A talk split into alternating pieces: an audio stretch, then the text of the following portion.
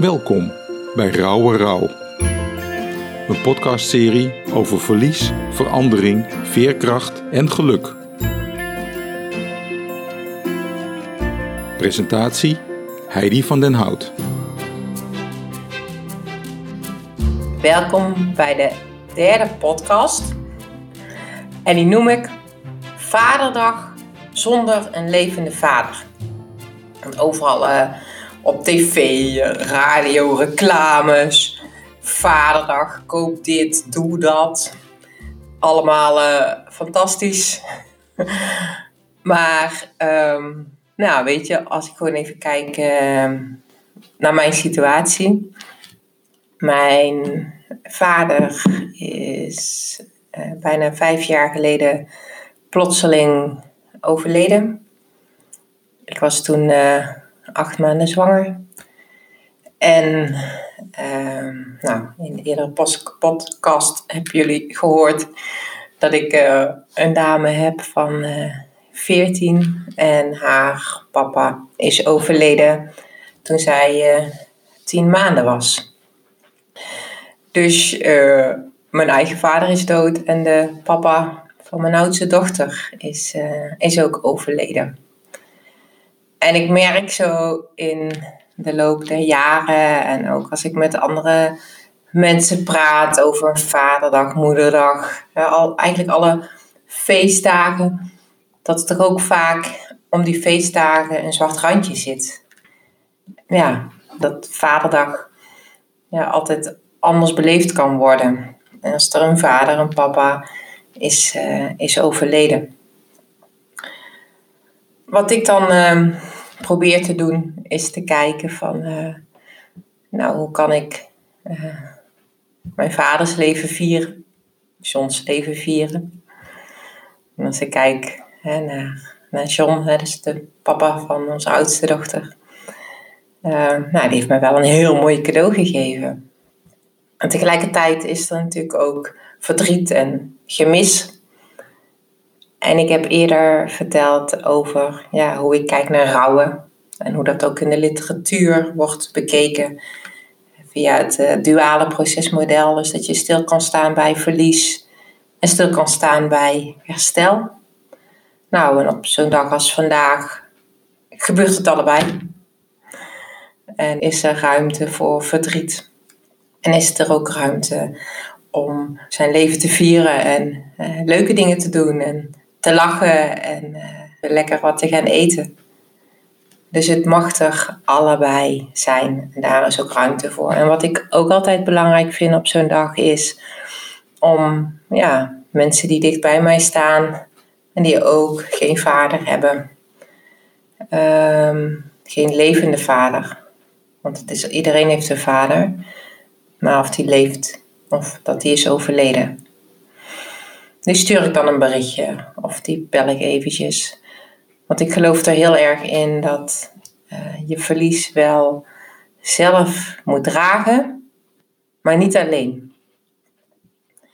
En ik kan het ook altijd waarderen als mensen ook gewoon tegen mij zaken benoemen. Hè, van goh, het is vandaag de sterfdag of het is vandaag de verjaardag. Weet dat ik aan je denk. Want niks is erger. Nou goed, dat klinkt zo zwaar, maar wat ik uh, altijd heel vervelend vind als zaken worden doodgezwegen. En uh, want ik geloof erin, ja, weet je, als iemand dood is, de liefde die blijft. En dan kom ik meteen op een punt wat ik altijd wel, uh, ja, waar ik mijn hart voor wil maken is om ook hè, bij zo'n vaderdag of zo'n moederdag, en als je gewoon weet dat iemand hè, waarvan dat bijvoorbeeld een moeder is overleden of een vader, of hè, dat je dat ook kan zeggen tegen een ander. Of als je niet weet wat je moet zeggen, dat je dan zegt van ja, ik weet niet wat ik moet zeggen, maar ik vind het echt wel, uh, ja, dit is misschien een hele andere dag als anders voor je.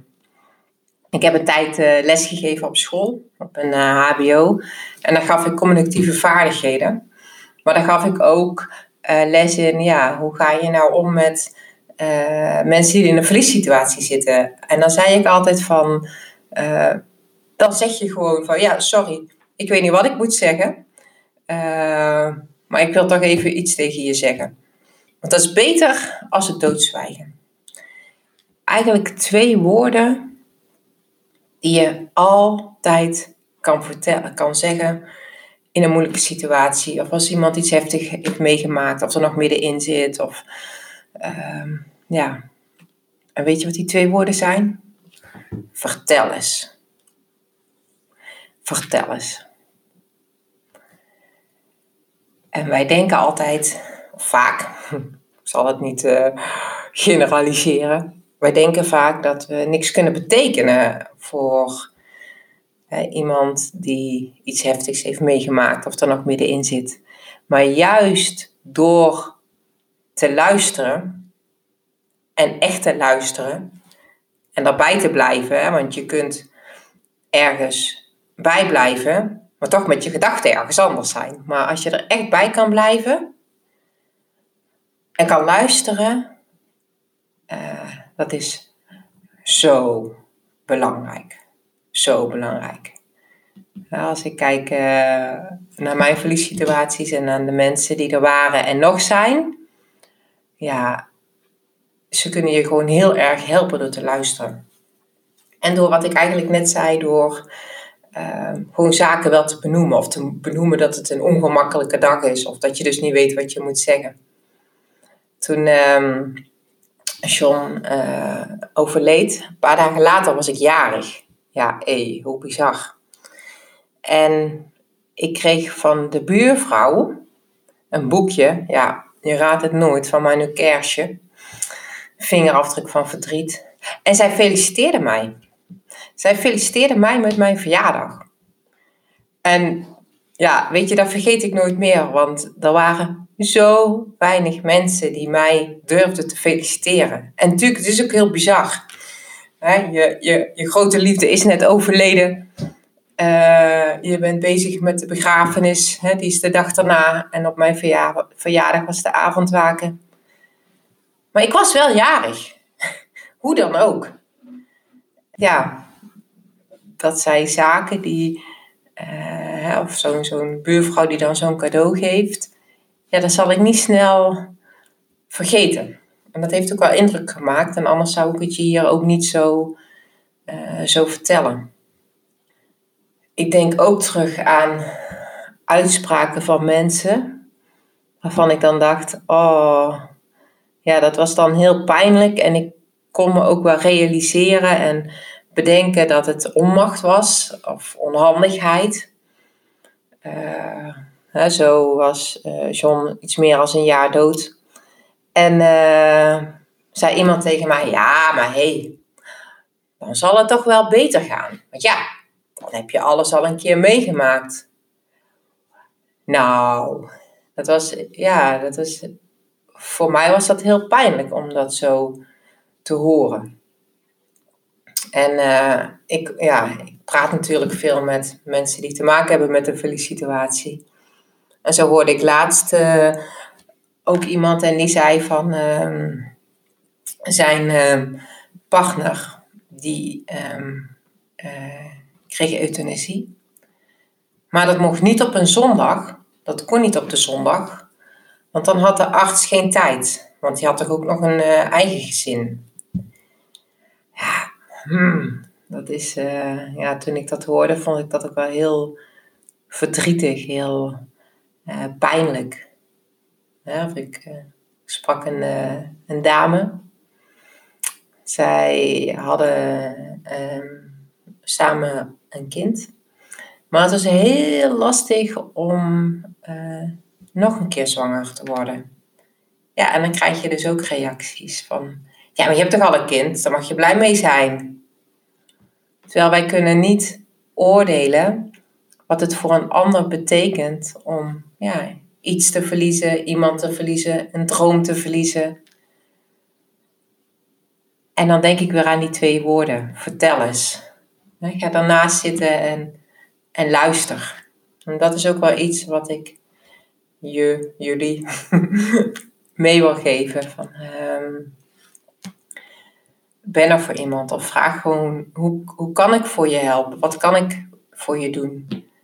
Uh, Of eh, hoe is het vandaag met je? Ik weet nog wel als mensen aan mij vroegen, vroegen van hoe gaat het? Dat is een grote vraag. hoe gaat het? Wat? Daar moest ik echt over nadenken. Dus ik, ik leer studenten ook van, ehm, maar kan je beter vragen van hoe gaat het vandaag? Dan is het wat een meer afgebakende vraag.